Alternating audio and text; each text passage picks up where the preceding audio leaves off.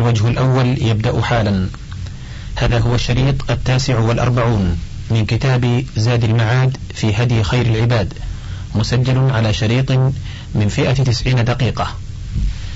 نواصل القراءة في حكمه صلى الله عليه وسلم في من طلق ثلاثا بكلمة واحدة. روى عبد الرزاق عن سفيان الثوري عن سلمة بن كهيل حدثنا زيد بن وهب أنه رفع إلى عمر بن الخطاب رجل طلق امرأته ألفا. فقال له عمر أطلقت امرأتك؟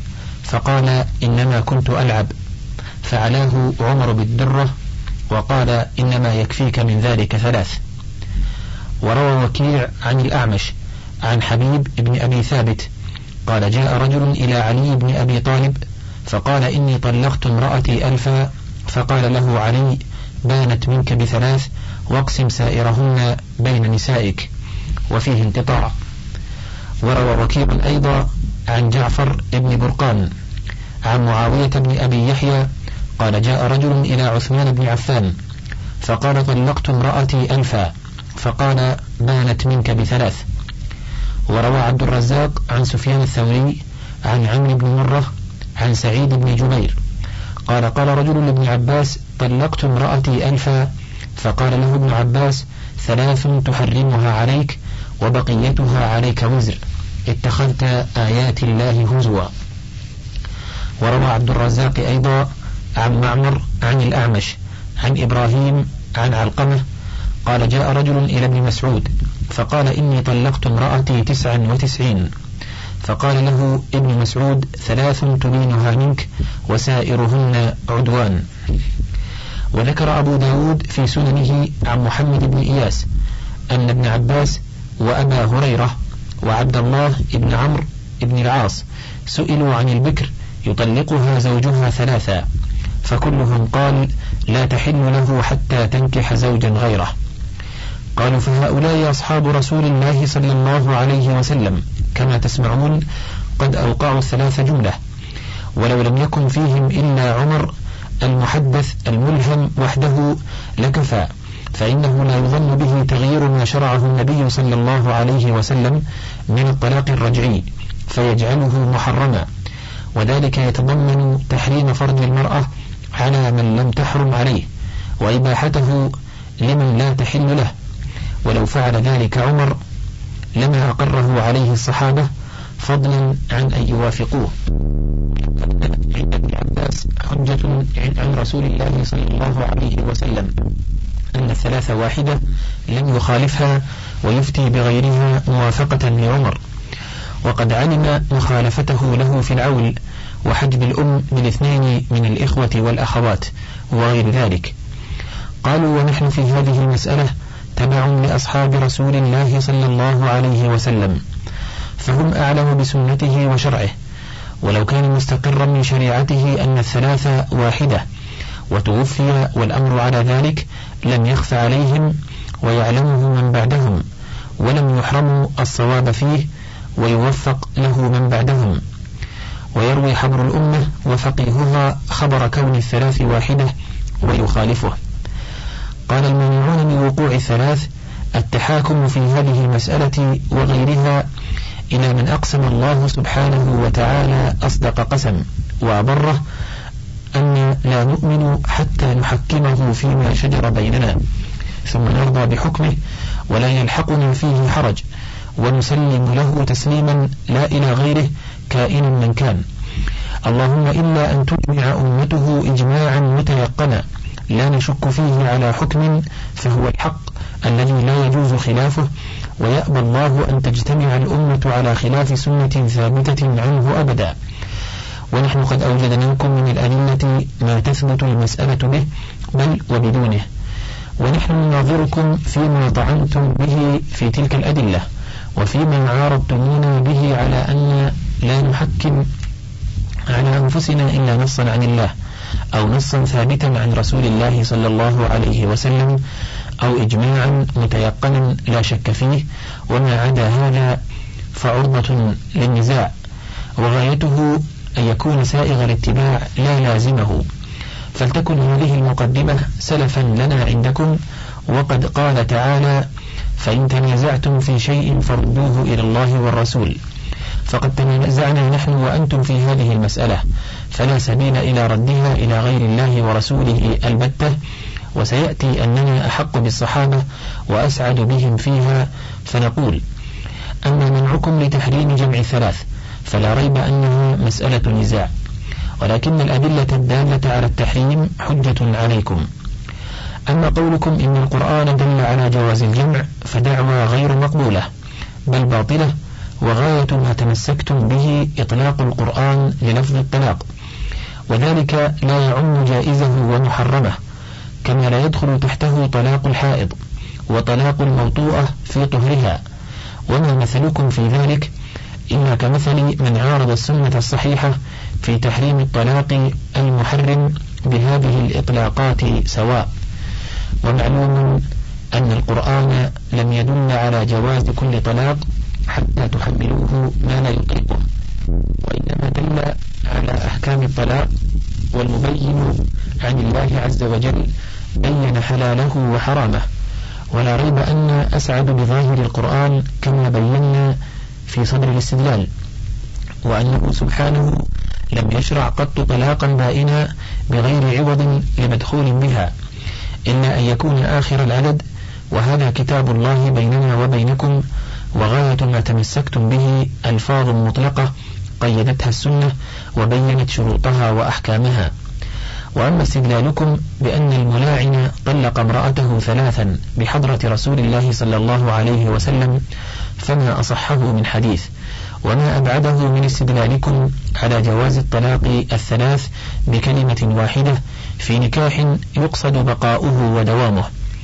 ثم المستدل بهذا إن كان ممن يقول إن الفرقة وقعت عقيب لعان الزوج وحده كما يقوله الشافعي أو عقيب لعانهما وإن لم يفرق الحاكم كما يقوله أحمد في إحدى الروايات عنه فالاستدلال به باطل لأن الطلاق الثلاث حينئذ لو لم يفد شيئا وإن كان ممن يوقف الفرقة على تفريق الحاكم لم يصح الاستدلال به أيضا لأن هذا النكاح لم يبق سبيل إلى بقائه ودوامه بل هو واجب الإزالة ومؤبد التحريم.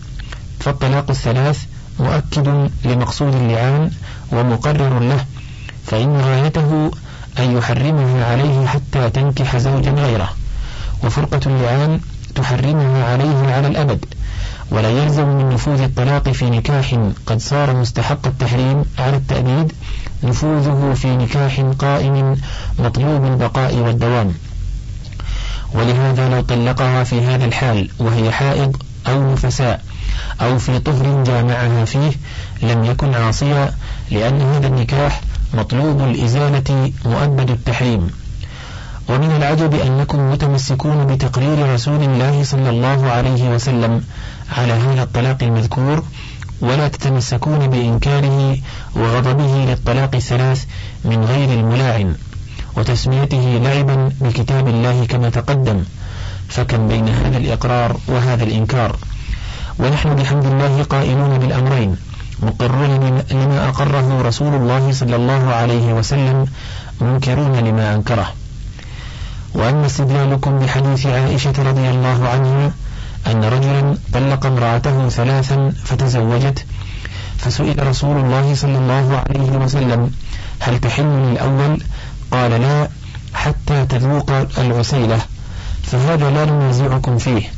نعم هو حجة على من اكتفى بمجرد العقد الثاني. ولكن أين في الحديث أنه طلق الثلاثة بفم واحد؟ بل الحديث حجة لنا فإنه لا يقال فعل ذلك ثلاثة وقال ثلاثة إلا من فعل. وقال مرة بعد مرة. هذا هو المعقول في لغات الأمم عربهم وعجمهم. كما يقال قذفه ثلاثة وشتمه ثلاثة وسلم عليه ثلاثة. قالوا وأما استدلالكم بحديث فاطمة بنت قيس فمن العجب العجاب. فإنكم خالفتموه فيما هو صريح فيه لا يقبل تأويلا صحيحا. وهو سقوط النفقة والكسوة للبائن مع صحته وصراحته وعدم ما يعارضه مقاوما له.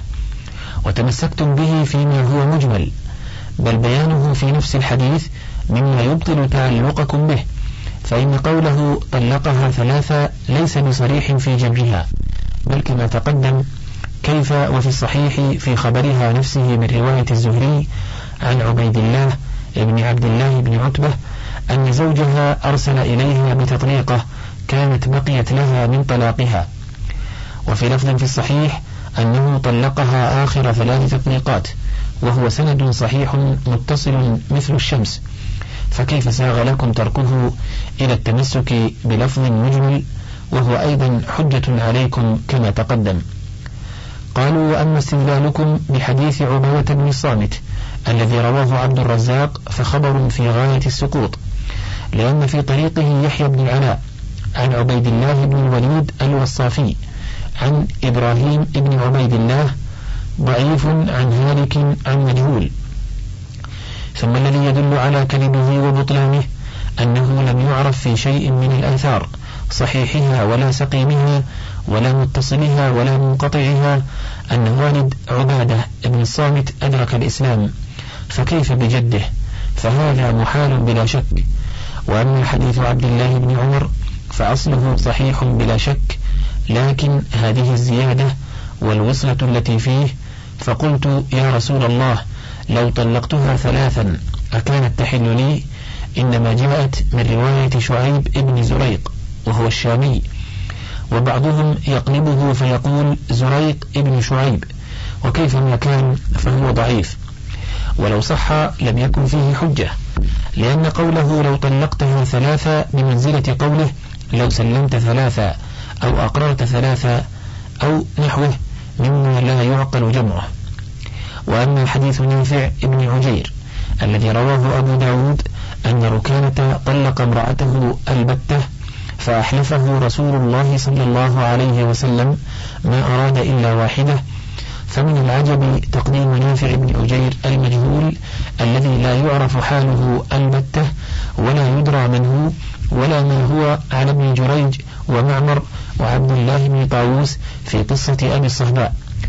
وقد شهد إمام الحديث إمام أهل الحديث محمد بن إسماعيل البخاري بأن فيه اضطرابا. هكذا قال الترمذي في الجامع. وذكر عنه في موضع آخر أنه مضطرب فتارة يقول طلقها ثلاثة وتارة يقول واحدة وتارة يقول البتة. وقال الإمام أحمد وطرقه كلها ضعيفة. وضعفه أيضا البخاري حكاه المنذري عنه. ثم كيف يقدم هذا الحديث المضطرب المجهول؟ رواية على حديث عبد الرزاق عن ابن جريج لجهالة بعض بني أبي رافع هذا وأولاده تابعيون وإن كان عبيد الله أشهرهم وليس فيهم متهم بالكذب. وقد روى عنه ابن جريج ومن يقبل رواية المجهول أو يقول رواية العدل عنه تعديل له فهذا حجة عنده. فأما أن يضعفه ويقدم عليه رواية من هو مثله في الجهالة أو أشد فكلا. فغاية الأمر أن تتساقط رواية هذين المجهولين ويعدل إلى غيرهما. وإذا فعلنا ذلك نظرنا في حديث سعد بن إبراهيم فوجدناه صحيح الإسناد. وقد زالت علة تدليس محمد بن إسحاق بقوله حدثنا داود بن الحسين وقد احتج أحمد بإسناده في مواضع. وقد صحح هو وغيره بهذا الإسناد بعينه أن رسول الله صلى الله عليه وسلم رد زينب على زوجها أبي العاص ابن الربيع بالنكاح الأول ولم يحدث شيئا. وأما داود بن الحصين عن عكرمة فلم تزل الأئمة تحتج به وقد احتجوا به في في حديث العرايا فيما شك فيه ولم يجزم به من تقديرها بالخمسة أوسق أو دونها مع كونها على خلاف الأحاديث التي نهى فيها عن بيع الرطب بالتمر. فما ذنبه في هذا الحديث سوى رواية ما سوى رواية ما لا يقولون به. وإن قدحتم في عكرمة ولعلكم فاعلون جاءكم ما لا قبل لكم به. من التناقض فيما احتججتم به أنتم وأئمة الحديث من روايته وارتضاء البخاري لإدخال حديثه في صحيحه. فصل وأما تلك المسالك الوعرة التي سلكتموها في حديث أبي الصهباء فلا يصح شيء منها. أما المسلك الأول وهو انفراد مسلم بروايته وإعراض البخاري عنه فتلك شكاة ظاهر عنه عارها. وما ضر ذلك الحديث انفراد مسلم به شيئا. ثم هل تقبلون أنتم أو أحد مثل هذا في كل حديث ينفرد به مسلم عن البخاري؟ وهل قال البخاري قط إن كل حديث لم أدخله في كتابي فهو باطل أو ليس بحجة أو ضعيف وكم قد احتج البخاري بأحاديث خارج الصحيح ليس لها ذكر في صحيحه وكم صحح من حديث خارج خارجا عن صحيحه. وأما مخالفة سائر الروايات له عن ابن عباس فلا ريب أن أن عن ابن عباس أن عن ابن عباس روايتين صحيحتين بلا شك. إحداهما توافق هذا الحديث والأخرى تخالفه. فإن أسقطنا رواية برواية سلم الحديث على أنه بحمد الله سالم. ولو اتفقت الروايات عنه على مخالفته فله أسوة أمثاله. وليس بأول حديث خالفه راويه. فنسألكم هل, هل الأخذ بما رواه الصحابي عندكم أو بما رآه؟ فإن قلتم الأخذ بروايته وهو قول جمهوركم بل جمهور الأمة على هذا كفيتمونا مؤونة الجواب. وإن قلتم الأخذ برأيه أريناكم من تناقضكم ما حيلة لكم في ما لا حيلة لكم في دفعه ولا سيما عن ابن عباس نفسه. فإنه روى حديث بريرة وتخييرها ولم يكن بيعها طلاقا ورأى خلافه وأن بيع الأمة طلاقها. فأخذتم وأصبتم بروايته وتركتم رأيه. فهل فعلتم ذلك فيما نحن فيه؟ وقلتم الرواية معصومة وقول الصحابي غير معصوم ومخالفته لما رواه يحتمل احتمالات عديدة من نسيان أو تأويل أو اعتقاد معارض راجح في ظنه أو اعتقاد أنه منسوخ أنه منسوخ أو مخصوص أو غير ذلك من الاحتمالات فكيف يسوغ ترك روايته مع قيام هذه الاحتمالات؟ وهل هذا إلا ترك معلوم لمهموم بل مجهول. قالوا وقد روى أبو هريرة رضي الله عنه حديث التسبيع من ولوغ الكلب وأفتى بخلافه فأخذتم بروايته وتركتم فتواه. ولو تتبعنا ما أخذتم فيه برواية الصحابي دون فتواه لطال. قالوا وأما دعواكم نسخ الحديث فموقوفة على ثبوت معارض مقاوم متراخ فأين هذا؟ وأما حديث عكرمة عن ابن عباس في نسخ في نسخ المراجعة بعد الطلاق الثلاث فلو صح لم يكن فيه حجة فإنه إنما فيه أن الرجل كان يطلق امرأته ويراجعها بغير عدد فنسخ ذلك وقصر على ثلاث فيها تنقطع الرجعة فأين في ذلك الإلزام بالثلاث بفم واحد. ثم كيف يستمر المنسوخ على عهد رسول الله صلى الله عليه وسلم وأبي بكر وصدرا من خلافة عمر لا تعلم به الأمة وهو من أهم الأمور المتعلقة بحل الفروج. ثم كيف يقول عمر إن الناس قد استعجلوا في شيء كانت لهم فيه أناه وهل للأمة أنية في المنسوخ بوجه ما؟ ثم كيف يعارض الحديث الصحيح بهذا الذي فيه علي بن الحسين بن واقد وضعفه معلوم. وأما حملكم الحديث على قول المطلق أنت طالق أنت طالق أنت طالق ومقصوده التأكيد بما بعد الأول فسياق الحديث من أوله إلى آخره يرده. فإن هذا الذي أولتم الحديث عليه لا يتغير بوفاة رسول الله صلى الله عليه وسلم ولا يختلف على عهده وعهد خلفائه.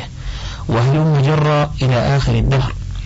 ومن ينويه في قصد التأكيد لا يفرق بين بر وفاجر وصادق وكاذب بل يرده إلى نيته وكذلك من لا يقبله في الحكم لا يقبله مطلقا برا كان أو فاجرا. وأيضا فإن قوله إن الناس قد استعجلوا وتتايعوا في شيء كانت لهم فيه أناه. فلو أن أمضيناه عليهم إخبار من عمر.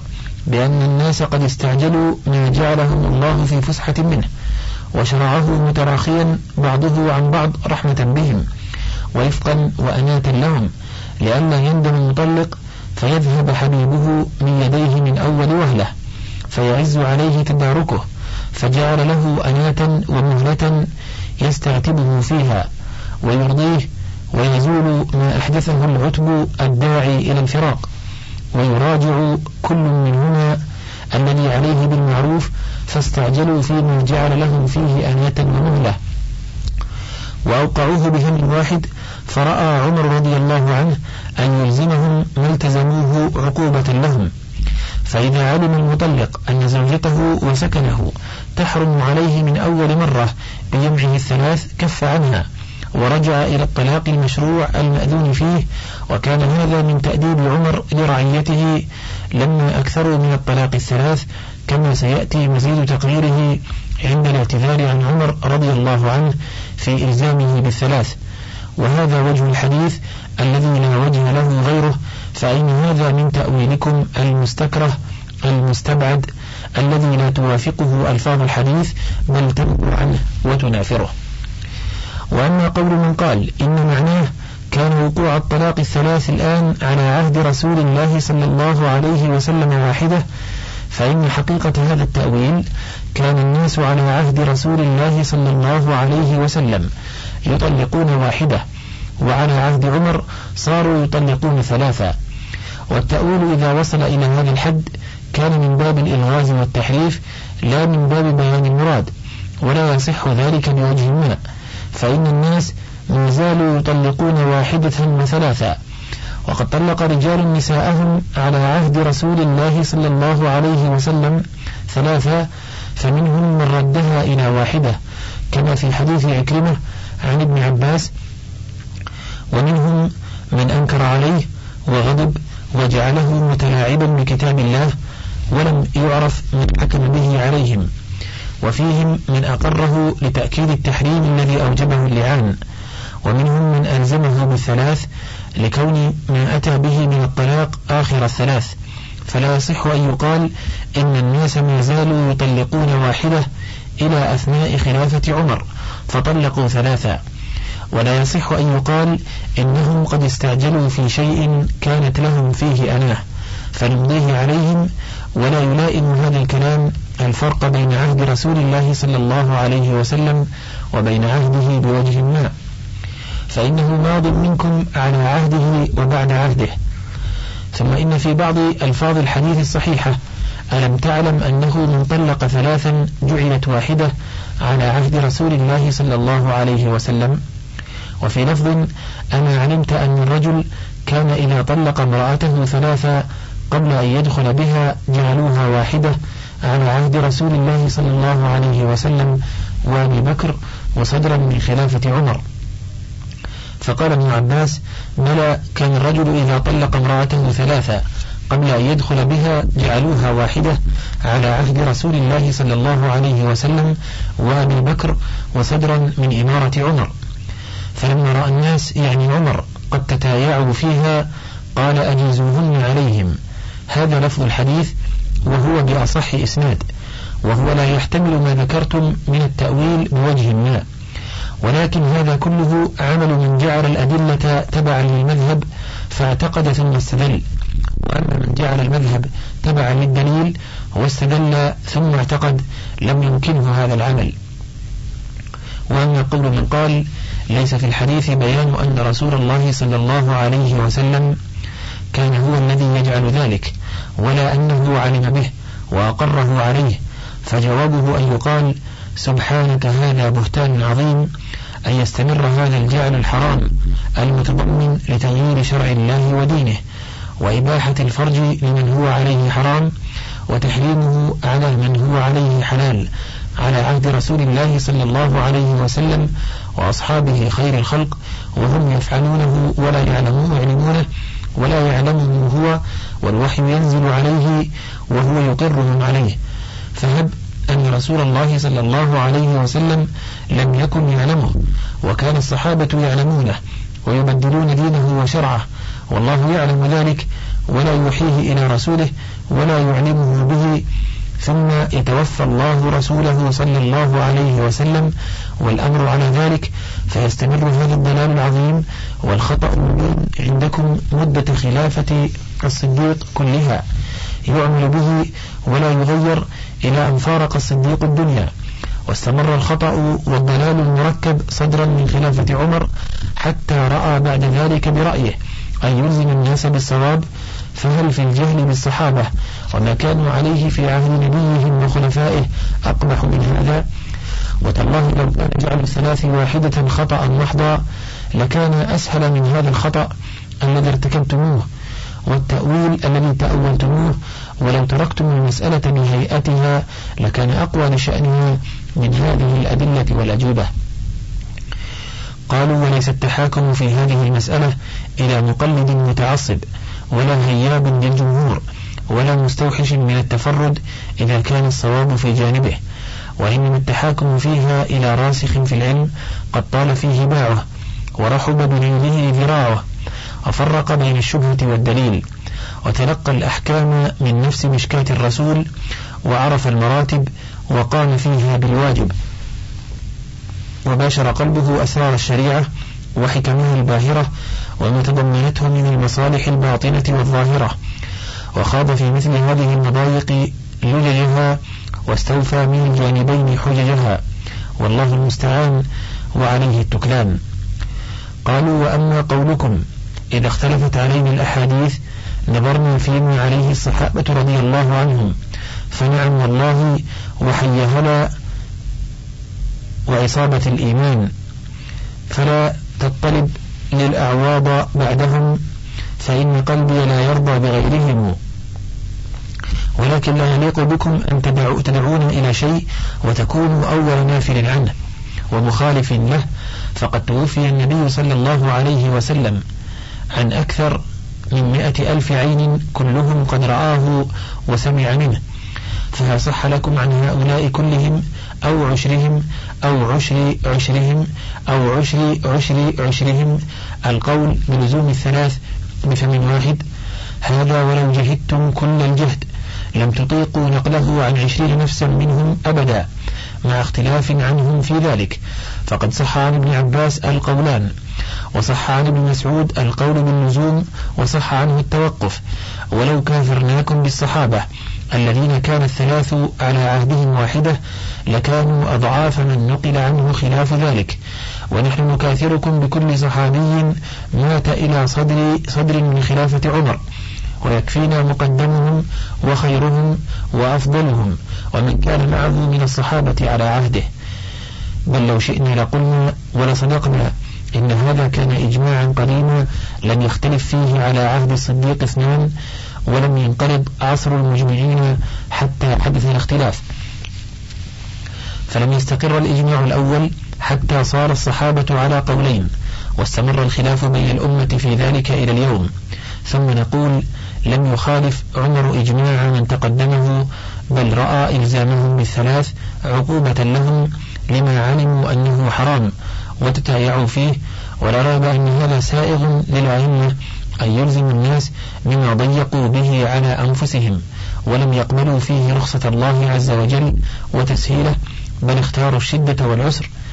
فكيف بأمير المؤمنين عمر بن الخطاب رضي الله عنه وكمال نظره للأمة وتأديبه لهم ولكن العقوبة تختلف باختلاف الأزمنة والأشخاص والتمكن من العلم بتحريم الفعل المعاقب عليه وخفائه.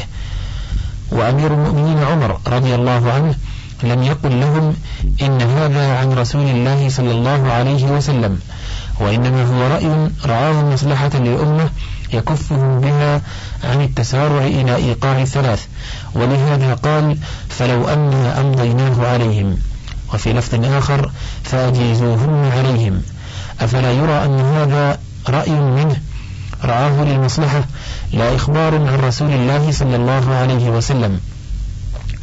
ولما علم رضي الله عنه أن تلك الأناه والرخصة نعمة من الله على المطلق ورحمة به وإحسان إليه وأنه قابلها بضدها ولم يقبل رخصة الله وما جعله له من الأناه عاقبه بأن حال بينه وبينها وألزمه ما ألزمه من الشدة والاستعجال.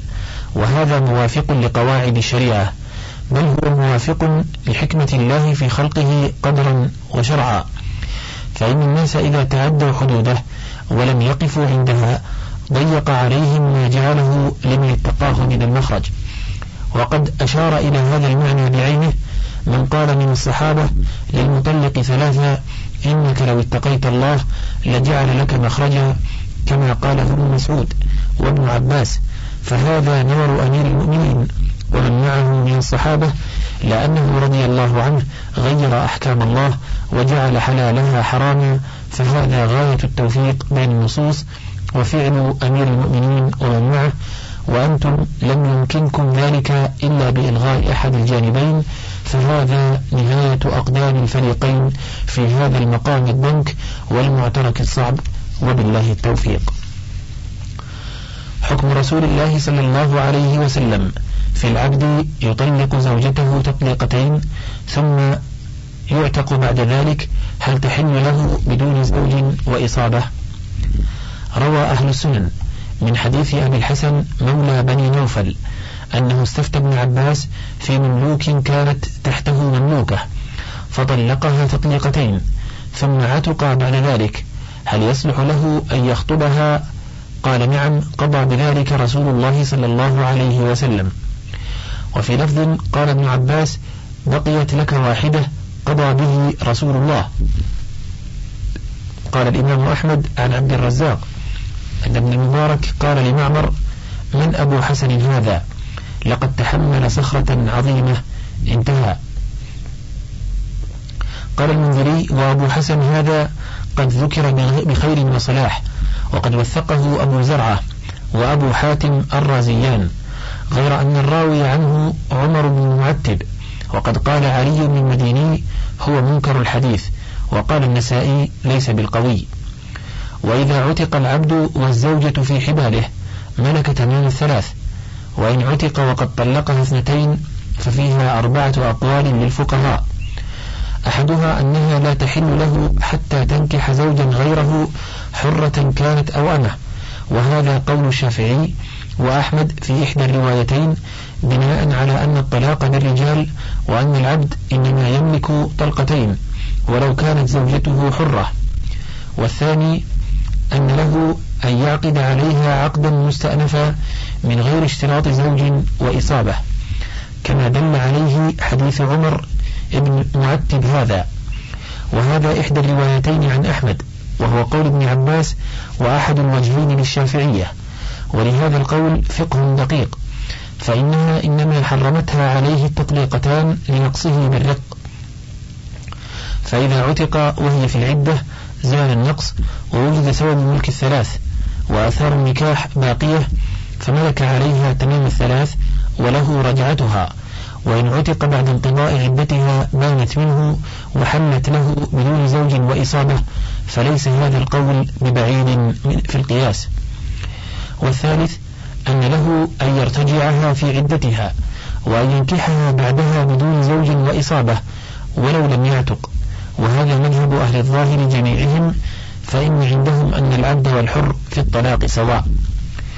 وذكر سفيان بن عيينة عن عمرو بن دينار عن أبي معبد مولى ابن عباس عن ابن عباس رضي الله عنهما أن عبدا له طلق امرأته تطليقتين فأمره ابن عباس أن يراجعها فأبى. فقال ابن عباس هي لك فاستحلها لملك اليمين.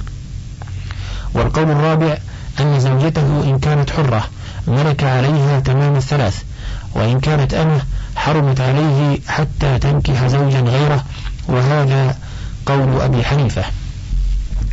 وهذا موضع اختلف فيه السلف والخلف على أربعة أقوال. أحدها أن طلاق العبد والحر سواء وهذا مذهب أهل الظاهر جميعهم. حكاه عنهم أبو محمد بن حزم. واحتجوا بعموم النصوص الواردة في الطلاق وإطلاقها وعدم تفريقها بين حر وحر وعبد ولم تجمع الأمة على التفريق. فقد صح عن ابن عباس أنه أفتى غلام له برجعة زوجته بعد طلقتين وكانت أمة. وفي هذا النقل عن ابن عباس نظر فإن عبد الرزاق روى عن ابن جريج عن عمرو بن دينار أن أبا معبد أخبره أن عبدا كان لابن عباس وكانت له امرأة جارية لابن عباس. فطلقها فبتها فقال له ابن عباس لا طلاق لك فارجعها. قال عبد الرزاق حدثنا معمر عن سماك بن الفضل أن العبد سأل ابن عمر رضي الله عنهما فقال لا ترجع إليها وإن ضرب رأسك. فمأخذ هذه الفتوى أن طلاق العبد بيد سيده كما أن نكاحه بيده كما روى عبد الرحمن بن مهدي عن الثوري عن عبد الكريم الجزائري. عن عطاء عن ابن عباس قال ليس طلاق العبد ولا فرقته بشيء. وذكر عبد الرزاق عن ابن جريج عن أبي الزبير أنه سمع جابر بن عبد الله يقول في الأمة والعبد سيدهما يجمع بينهما ويفرق. وهذا قول أبي الشعثاء. وقال الشعبي أهل المدينة لا يرون للعبد طلاقا إلا بإذن سيده فهذا مأخذ ابن عباس لا أنه يرى طلاق العبد ثلاثة إذا كانت تحته أمه. وما علمنا أحدا من الصحابة قال بذلك. والقول الثاني أن أي الزوجين إن رق كان الطلاق بسبب رقه اثنتين كما روى حماد بن سلمة عن عبد الله بن عمر عن نافع عن ابن عمر رضي الله عنهما قال الحر يطلق الأمة تطليقتين وتعتد بحيتين والعبد يطلق الحرة تطليقتين وتعتد ثلاث حيض وإلى هذا ذهب عثمان البتي والقول الثالث أن الطلاق بالرجال فيملك الحر ثلاثة وإن كانت زوجته أمة والعبد ثنتين وإن كانت زوجته حرة. وهذا قول الشافعي ومالك وأحمد في ظاهر كلامه وهذا قول زيد بن ثابت وعائشة وأم سلمة أم المؤمنين وعثمان بن عفان وعبد الله بن عباس وهذا مذهب القاسم وسالم وأبي سلمة وعمر بن عبد العزيز ويحيى بن سعيد وربيعة وأبي الزناد وسليمان بن يسار وعمرو بن شعيب وابن المسيب وعطاء. والقول الرابع أن الطلاق بالنساء كالعدة كما روى شعبة عن أشعث بن سوار عن الشعبي عن مسروق عن ابن مسعود السنة الطلاق والعدة بالنساء. وروى عبد الرزاق عن محمد بن يحيى وغير واحد عن عيسى عن الشعبي عن اثني عشر من صحابة النبي صلى الله عليه وسلم قالوا الطلاق والعدة بالمرأة. هذا لفظه. وهذا قول الحسن وابن سيرين وقتادة وإبراهيم والشعبي وعكرمة والمجاهد والثوري والحسن بن حي وأبي حنيفة وأصحابه. فإن قيل فما حكم رسول الله صلى الله عليه وسلم في هذه المسألة. قيل قد قال أبو داود حدثني محمد بن مسعود. حدثنا أبو عاصم عن ابن جريج عن مظاهر ابن أسلم عن القاسم ابن محمد عن عائشة رضي الله عنها عن النبي صلى الله عليه وسلم قال طلاق الأمة تطليقتان وقرؤها حيضتان. وروى زكريا بن يحيى الساجي حدثنا محمد بن إسماعيل بن سمرة الأحمسي. حدثنا عمر بن شديد المسلي حدثنا عبد الله بن عيسى. عن عطية عن ابن عمر رضي الله عنهما. قال قال رسول الله صلى الله عليه وسلم طلاق الأمة ثنتان وعدتها حيضتان. وقال عبد الرزاق حدثنا ابن جريج قال كتب إلي عبد الله بن زياد بن سمعان. أن عبد الله بن عبد الرحمن, بن عبد الرحمن الأنصاري أخبره عن نافع عن أم سلمة أم المؤمنين أن غلاما لها طلق امرأة له حرة تطليقتين فاستفتت أم سلمة النبي صلى الله عليه وسلم فقال حرمت عليه حتى تنكح زوجا غيره. وقد تقدم حديث عمر بن معتب عن أبي حسن عن ابن عباس رضي الله عنه ولا يعرف عن النبي صلى الله عليه وسلم غير هذه الآثار الأربعة على عجلها وبجرها. أما الأول فقال أبو داود هو حديث مجهول وقال الترمذي حديث غريب لا نعرفه إلا من حديث مظاهر بن أسلم ومظاهر لا يعرف له في العلم غير هذا الحديث انتهى. وقال أبو القاسم ابن عساكر في أطرافه بعد ذكر هذا الحديث روى أسامة بن زيد بن أسلم عن أبيه أنه كان جالسا عند أبيه فأتاه رسول الأمير فأخبره أنه سأل القاسم بن محمد وسالم ابن عبد الله عن ذلك فقال هذا؟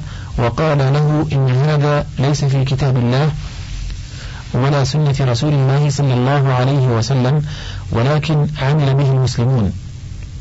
قال الحافظ فدل على أن الحديث المرفوع غير المحفوظ. وقال أبو عاصم النبيل مظاهر بن أسلم ضعيف. وقال يحيى بن معين ليس بشيء مع أنه لا يعرف. وقال أبو حاتم الرازي منكر الحديث.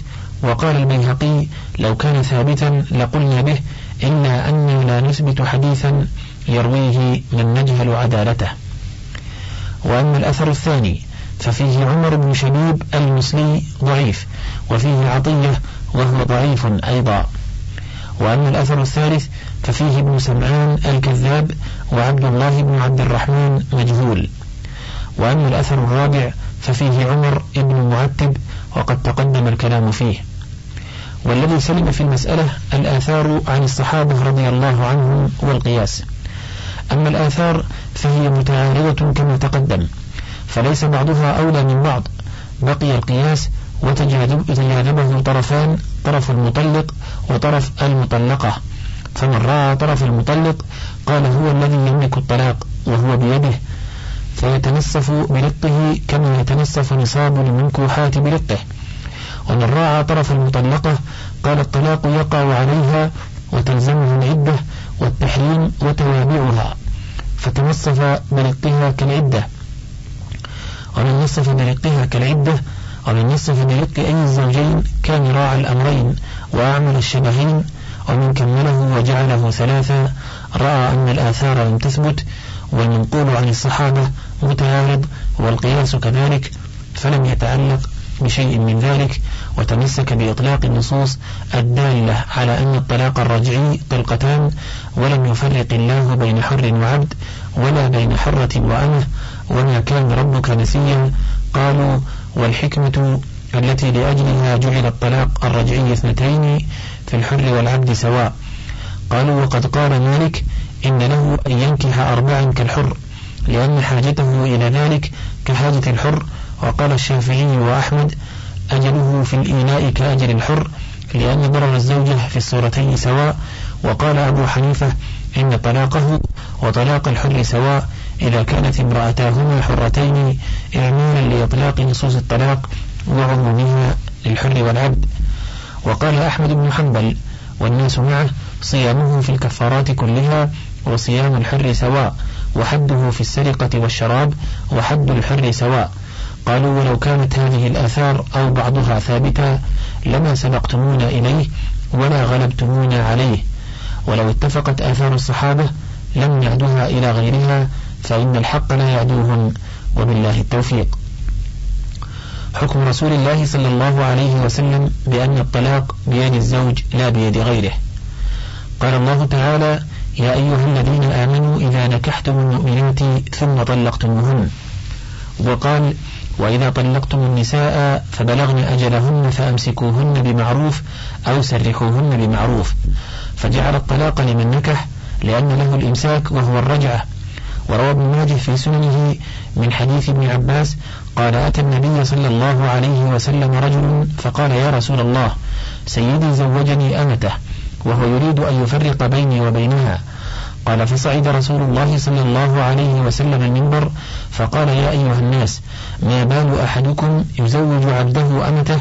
ثم يريد أن يفرق بينهما إنما الطلاق لمن أخذ بالساق. وقد روى عبد الرزاق عن ابن جريج عن عطاء عن ابن عباس رضي الله عنهما كان يقول طلاق العبد بيد سيده إن طلق جاز وإن فرق فهي واحدة إذا كان له جميعا فإن كان العبد له والأمة لغيره طلق السيد أيضا إن شاء وروى الثوري عن عبد الكريم الجزري عن عطاء عنه ليس طلاق العبد ولا فرقته بشيء وذكر عبد الرزاق حدثنا ابن جريج أخبرني أبو الزبير سمع جابرا يقول في الأمة والعبد سيدهما يجمع بينهما ويفرق. وقضاء رسول الله صلى الله عليه وسلم أحق أن يتبع وحديث ابن عباس رضي الله عنهما المتقدم وإن كان في إسناده ما فيه فالقرآن يعظمه وعليه عمل الناس.